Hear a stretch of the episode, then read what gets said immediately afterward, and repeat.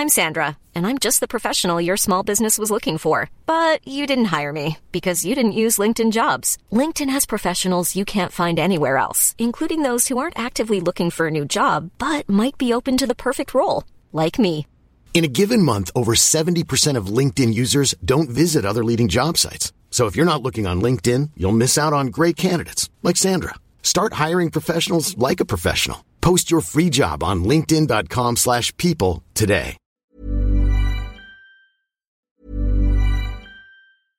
Hiring for your small business? If you're not looking for professionals on LinkedIn, you're looking in the wrong place. That's like looking for your car keys in a fish tank. LinkedIn helps you hire professionals you can't find anywhere else, even those who aren't actively searching for a new job but might be open to the perfect role. In a given month, over 70% of LinkedIn users don't even visit other leading job sites. So start looking in the right place. With LinkedIn, you can hire professionals like a professional. Post your free job on linkedin.com/people slash people today. Everyone knows therapy is great for solving problems, but getting therapy has its own problems too, like finding the right therapist, fitting into their schedule, and of course, the cost. Well, BetterHelp can solve those problems. It's totally online and built around your schedule. It's surprisingly affordable too. Connect with a credentialed therapist by phone, video, or online chat, all from the comfort of your home. Visit betterhelp.com to learn more and save 10% on your first month. That's BetterHelp, H E L P. Halo semuanya, teman-teman ganteng-ganteng Manchester United Podcast. Balik lagi bareng gue Alvin. Malam minggu kemarin gue tahu itu bukanlah hari yang menyenangkan bagi kita semua fans MU. Di mana mungkin sebagian dari kita rela untuk tidak malam mingguan. Tapi ternyata hasil yang diterima MU sangat-sangat mengecewakan. Dan kita kalah 2-0 lawan West Ham. Dan gue juga tahu meskipun ini gue rekamannya telat, but gue nggak mau bahas banyak-banyak tentang West Ham. Gue cuma mau menyoroti sedikit hal-hal di mana kayak ya ternyata Erik Ten Hag masih sedikit apa ya mungkin keras kepala di mana kalau kita lihat line up yang kita kaget adalah ada satu nama pemain dari akademi yang langsung masuk ke starting line up yaitu Willy Kambuala. Dan pemain ini sebenarnya udah dimention sama Diaz di preview kemarin lawan West Ham bahwa ini ada seorang pemain namanya Willy Kambuala yang um, ada prospek untuk bisa naik ke first team. Dan ternyata dia nggak langsung masuk ke cadangan tapi ternyata masuknya langsung ke first uh, first team ya maksudnya ke line up. Karena ternyata Varane sakit Lindelof cederanya cukup lama sampai Januari. Maguire juga ya mungkin nggak terlalu lama tapi dia ada gangguan lah ya. Jadi beberapa pekan maybe.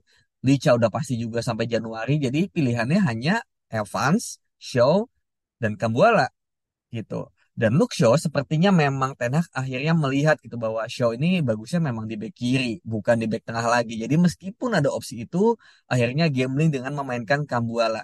Dan menurut gua jujur Kambuala mainnya cukup bagus untuk seorang pemain akademi yang nggak pernah um, bahkan masuk cadangan tapi langsung ke line up menjadi starter di pertandingan yang cukup berat ya away ke West Ham.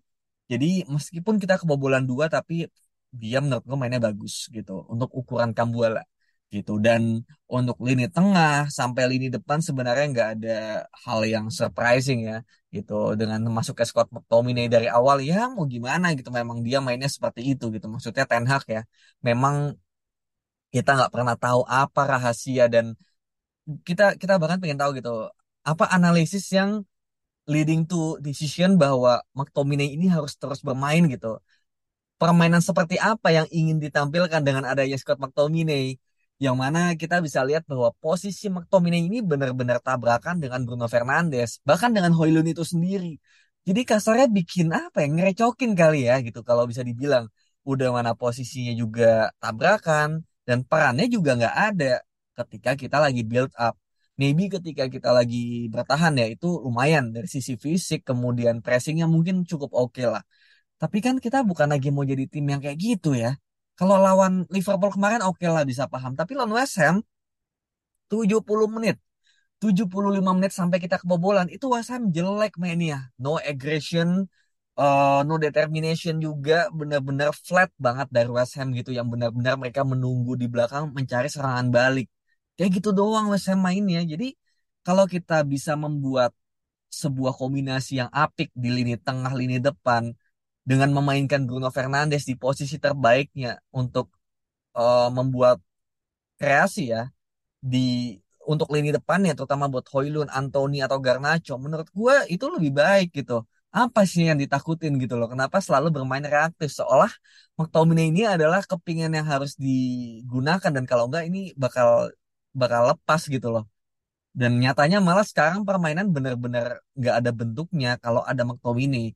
Gue bukan lagi mendiskreditkan McTominay ya, tapi memang di atas lapangan kita bisa melihat kalau pertandingannya kita memegang bola, itu McTominay nggak ada perannya gitu. Sesekali mungkin bisa lawan Galatasaray, lawan Chelsea, lawan Brentford. Bahkan lawan Brentford gue udah bilang, meskipun menang 2-1, Scott McTominay menjadi pahlawan dengan dua gol. Tapi gue sama sekali nggak seneng karena golnya begitu tuh gol-gol lu udah oportunis men.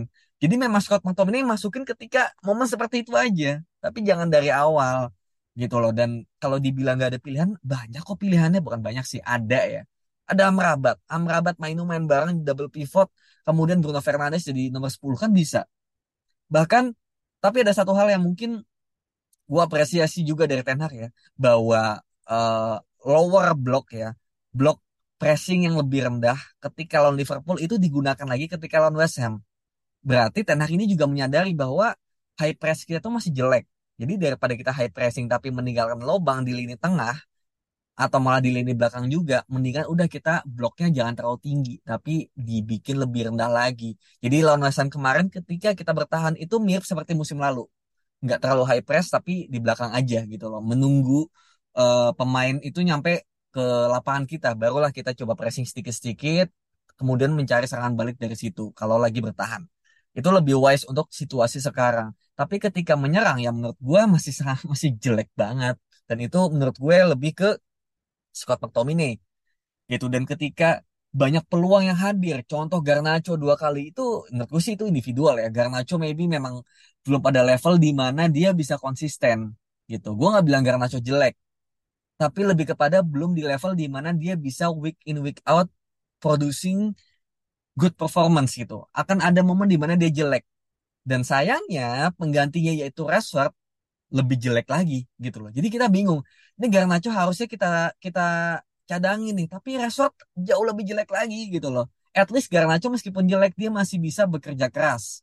Tapi Rashford udah jelek, nggak kerja keras juga gitu loh. Jadi lu mau pilih mana? Kayak yang lebih jelek ya Rashford pada saat ini. Jadi lu mainin Garnacho, lu nggak punya pilihan lain gitu. Jadi inilah kesulitannya di MU pada saat ini. Dan ketika lu masukin pemain Rashford gantiin Hoylund, Hoylund ya maybe memang memang nggak bekerja pada pertandingan kemarin. Tapi menurut gue lebih karena ya Scott McTominay yang ngerecokin gitu. Jadi harusnya Scott McTominay yang ditarik gitu loh. Cuma ya sulit juga sih kalau misalnya ada keras kepala yang terlalu seperti ini ya. Kayak gue pilih lihat coba deh lo Scott McTominay nggak dimainin sekali aja. Lawan Aston Villa contohnya nanti ya yang bakal gue bahas selanjutnya gitu. Jadi memang udah gak punya pilihan. Jadi kebobolan-kebobolan kita uh, Jared Bowen itu ya menurut gue memang pemainnya Bruno Fernandes ya. Bruno Fernandes gagal track back tapi ya back kita juga lengah juga tidak melihat ada larinya Bowen. Itu bagus banget umpan dari Paketa kemudian Bowen kayak gitu dan ya Onana sebenarnya udah bagus tapi emang tidak beruntung ya bolanya mantul ke Bowen lagi. Cuma memang maybe we expect better uh, handling ya dari seorang kiper gitu. Cuma ya kalau mau disalahin ya lebih ke Bruno Fernandes. Kenapa? Bisa membiarkan sampai ada pemain bisa one on one itu kan konyol gitu. Jadi menurut gue kesalahannya di situ, organisasi pertahanan dan kedisiplinan. Gol kedua ya itu pure dari um, blunder ya Kobi Mainu yang gue juga nggak mau menyalahkan Mainu karena ya ya dia masih muda men. Lu lihat ketika Kobi Mainu kehilangan bola dia sendirian. Di tim lain, di tim lain ya nggak ada yang pakai skema sebodoh itu menurut gue. Satu DM sendirian ketika lagi memegang bola, lagi lagi uh, build up ya. Di mana-mana sekarang tuh dua pemain di situ double pivot atau back sayapnya itu masuk ke dalam. Kalau di Arsenal ada Zinchenko ngebantu Declan Rice. Kalau misalnya di mana namanya di City ada John Stones temenin si uh, Rodri. Jadi dua di tengah. Gitu. Jadi menurut gue dan di Liverpool juga maybe ada let's say McAllister atau Endo ada TAA juga masuk ke kanan gitu. Jadi menurut gue di tim-tim gede sekarang yang bermain itu nggak membiarkan satu DM ini build up sendirian karena ke expose nanti. Karena dua AM kita tuh terlalu tinggi dan wingback kita terlalu di sayap. Pertanyaan gue adalah kenapa Shaw nggak membantu ke dalam gitu? Maybe Luke Shaw ini lebih kepada membantu progresi ya, membantu build up dari belakang juga dan juga uh, untuk bisa kombinasi dari sayap, makanya dia lebih di push ke, ke depan gitu. Nah, Wan Bisaka memang Wan Bisaka nggak bisa build up. Ini hal yang gue udah sering ngomong gitu. Cuma mungkin banyak dari fans MU tidak menerima bahwa Wan Bisaka nggak bisa build up. Memang nggak bisa gitu. Lu lihat Dalot gitu, lawan Liverpool. Berapa kali dia build upnya secantik itu. Dia nerima bola di tengah, men nemenin Amrabat atau Mainu kemudian dia dribble sendiri ke depan memang Dalot bisa melakukan itu cuma memang kurangnya Dalot adalah ketika bertahan dia sering ceroboh tapi dalam build up dia bagus banget. Dan Wan Bisaka nggak bisa melakukan itu gitu. Dia dia bisa tapi as individu. Dalot as system dia bisa lakuin. Dan kemarin kita kehilangan Diego Dalot ketika build up. Makanya Mainu sendirian gitu. Jadi menurut gua kemarin ya kita memang jelek mainnya. Menyerangnya jelek karena Scott McTominay-nya ada. Tapi memang ya kita suek juga dengan kebobolan seperti itu. West Ham makin gila, makin semangat, kita makin drop. Akhirnya datang gol kedua dari Muhammad Kudus gitu ya. Udahlah gitu. Jadi 1-0 2-0 udah nggak ngaruh lagi gitu sih. Itu untuk West Ham kemarin yang gue rasa makin memperparah situasi ruang ganti, pemain dan juga Ten Hag gitu. Dan nextnya di Boxing Day malam ini Tanggal 26 berarti kita di 27 pagi, Rabu pagi jam 3 kita akan kedatangan Aston Villa yang memang lagi bagus-bagusnya. Aston Villa ini di ranking 4 ya kalau nggak salah ya. Atau di ranking 3, kita di ranking 8 by the way gitu. Ini kalau gue cek Villa itu sekarang di ranking 3 bahkan ya. Di atas Spurs dan di atas Manchester City. Gile. Gile banget. Bahkan City pun kalau menang sekali lagi ya. Dia poinnya masih di bawah Villa. Jadi Villa ini poinnya sama kayak Liverpool 39 dan poinnya cuma beda satu poin dari Arsenal. 40 jadi ini cuma dia dia satu poin di bawah pemuncak klasemen men gitu. Gila. Gila banget Aston Villa. Sedangkan kita ranking 8 28 poin bedanya 12 poin dari pemuncak. Itu benar-benar at different level lah kita pada saat ini. Jadi kalau misalnya ditanya Vin gimana ini Emilon Villa? Gue sih pesimis ya. Bahkan lagi-lagi gue um, memasang di FPL gua Oli Watkins menjadi kapten lagi gitu. Enggak jadi triple kapten karena udah gue pakai kemarin di Muhammad Salah ya yang ternyata itu jadi jinx salah nol gitu kan. Tapi ya gue senang-senang aja karena ini gak kebobolan ternyata. Sekarang gue coba ngejinx lagi gitu dengan kapten gue adalah Oli Watkins yang mana gue yakin banyak dari kalian mungkin pakai Muhammad Salah ya karena lawannya Burnley away tapi gue pasang Oli Watkins lawan MU gitu. Di luar daripada gue pengen ngejinx tapi satu sisi ini peluang yang sangat-sangat terbuka untuk Watkins bahkan Aston Villa untuk yang hajar backline dan tim MU itu sendiri gitu. Mau main sekarang MU di Old Trafford, mau main di tandang itu udah nggak ngaruh. Musim lalu maybe tandang jelek, tapi di kandang kita gahar. Tapi sekarang mau kandang mau tandang itu udah nggak ngaruh, sama-sama jelek gitu. Jadi menurut gua uh, gua udah no comment lah ya gitu, no hope sih menurut gua gitu untuk pertandingan lawan Aston Villa ini dengan Aston Villa itu mainnya lebih ke 4-4-2 ya sekarang gitu. 4-4-2 kadang bisa uh, switching ya menjadi 3-5-2 gitu. Gitu. Jadi kanannya ada Cash, kiri ada kadang Luka Luka Dini atau Moreno, uh, backnya ada Konsa, Pau Torres, Diego Carlos gitu. Kemudian gelandangnya juga bagus-bagus semua. Ada Bakar Kamara, pemain yang gue sangat inginkan dulu ya di zaman Ralf Rangnick itu dia datang ya karena gratis Bobakar Kamara, Yuri Tillemans, uh, McGinn kaptennya dan juga satu lagi gelandangnya itu uh, Douglas Lewis. Ini empat gelandang box yang bakal ngehajar MU di lini tengah sih gitu. Kemudian depannya ada Oli Watkins dan juga ada Leon Bailey atau Moussa Diaby. Jadi ya jujur ya gue ngeliat tengahnya Aston Villa yang itu benar-benar energik ya terutama si uh, McGinn itu ya sebagai kapten. Kemudian ada Tillemans yang sebagai mungkin pemain yang lebih smart ya itu memberikan bola-bola enak ke, ke depan gitu. Kemudian ada Douglas Lewis dan juga Kamara ya yang, yang menjaga lini tengah kedisiplinan di lini tengah gitu. Jadi menurut gue men lini tengah kita udah pasti kalah kualitas pasti kalah karena empat melawan maybe tiga gitu loh kita harus pasang tiga gelandang yang benar-benar pekerja keras dan memang disiplin gitu dan sejujurnya gitu untuk melawan empat box itu empat gelandang itu ya kita memainkan Scott Scott McTominay itu udah udah udah paling paling apa ya paling uh, make sense kalau memang kita mau pragmatis gitu. Tapi kalau kita mau bermain game kita ya kita tidak memainkan Scott McTominay, kita mainin Mainu, Amrabat dan Bruno Fernandes gitu. Jadi kayak ya persetan lah dengan kita reaktif melawan Villa gitu. Tapi kita memainkan game kita sendiri gitu. Meskipun lagi-lagi gue nggak yakin ya, gue nggak yakin ini akan uh, dilakukan ya. Scott McTominay akan ditarik gitu. Jadi uh, untuk ini depan sebenarnya gue udah nggak ada pilihan lain ya pasti Rasmus Hoylund kanannya Anthony kirinya ya antara Garnacho atau Rashford ya sama-sama lagi jelek tapi kita nggak tahu mana yang lebih dipilih nantinya gitu. Tapi kalau nanti akhirnya lebih dipilih Rashford gue juga nggak heran ya. Martial masih cedera amat kayaknya belum latihan secara full ya. Pelistri gue nggak yakin dia bakal dipilih untuk game seperti ini.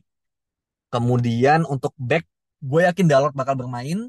Di kanan kiri show backnya uh, gue nggak tahu ya Varan statusnya gimana. Gue harap sih dia udah sembuh ya karena gue punya feeling kita bakal digempur abis-abisan bakal Aston Villa bakal high pressing bakal full attack juga mungkin gak full attack itu ya tapi bakal bakal energik lah bisa dibilang dan akan banyak crossing atau bakal banyak serangan ke kotak penalti kita dan kita butuh seorang back box defender yang kokoh ya seperti Rafael Varane di Liverpool gitu. Jadi gua harap Varane bisa bermain lawan Evans, bermain bersama Evans dan Kambuala masuk ke cadangan lagi gitu. Kalau misalnya Kambuala yang jadi backnya, kalau kita menyerang sih masih oke okay lah ya. Tapi kalau kita digempur, gue nggak yakin dia bisa survive gitu. Jadi gua harap banget sih ini Rafael Varane bisa bermain atau maybe uh, Harry Maguire kejutan udah bisa bermain itu juga lebih bagus lagi menurut gue. Gitu. Jadi menurut gue sekarang perdebatannya di lini tengah gitu. Apakah di pertandingan yang kita udah pasti kalah lini tengah ini kita uh, mencoba pragmatis dengan memainkan Scott McTominay atau ya udah kita mencoba memainkan game kita aja Mainu, Amrabat dan Bruno Fernandes gitu. Gue sih sejujurnya kalau kita mau selamat ya ya kita pakai McTominay aja gitu. Cuma entah ya maybe ya udahlah gitu kita memainkan McTominay lebih ke dalam aja barang misalnya Mainu jadi Mainu pegang bola, McTominay menjadi box to boxnya gitu. Bruno Fernandes kembali ke nomor 10 gitu. Jadi kenapa kita nggak bisa bikin peluang banyak? Karena Bruno terlalu mundur gitu dan penggantinya yaitu McTominay nggak bisa ngapa-ngapain gitu. Jadinya Bruno terlalu effort gitu, kerjanya double dan itu terlalu berat buat dia gitu. Jadi menurut gua, gua harap gua uh, gua harap kita memainkan sepak bola kita sistem Ten Hag yaitu Mainu Amrabat Bruno. Tapi kalaupun kita lebih pragmatis dengan McTominay gue juga nggak terlalu nyalahin. Karena ya ini adalah pertandingan yang sangat sulit gitu. Bahkan lebih sulit daripada lawan West Ham kemarin menurut gue gitu. Lawan West Ham gue expect kita pegang bola lebih banyak tapi lawan Villa ini berat sih gitu jadi semoga pilihan terbaik Ten Hag tidak overthinking dan nggak terlalu uh, ada favoritism ya untuk memilih pemain jadi kalau ditanya prediksi sekali lagi, gue tidak yakin. Gue gak mau prediksi macam-macam karena ya jam 3 pagi men gitu. Lo masih mungkin ada yang masih ngantor kayak gue juga gitu. Jadi kita nggak mau terlalu banyak berharap. Main bagus saja udah syukur gitu. Jadi kita nantikan permainan MU di Boxing Day jam 3 pagi hari Rabu. Semoga kita mendapatkan hasil yang maksimal. Kalau bisa kita menang. Itu bakal bagus banget buat kita. Amin. Thank you itu aja dari gue. Bye-bye. Planning for your next trip? Elevate your travel style with Quince. Quince has all the jet setting essentials you'll want for your next getaway, like European linen, premium luggage options, buttery soft Italian leather bags, and so much more. And is all priced at 50 to 80% less than similar brands. Plus, Quince only works with factories that use safe and ethical manufacturing practices. Pack your bags with high-quality essentials you'll be wearing for vacations to come with Quince. Go to quince.com slash pack for free shipping and 365-day returns.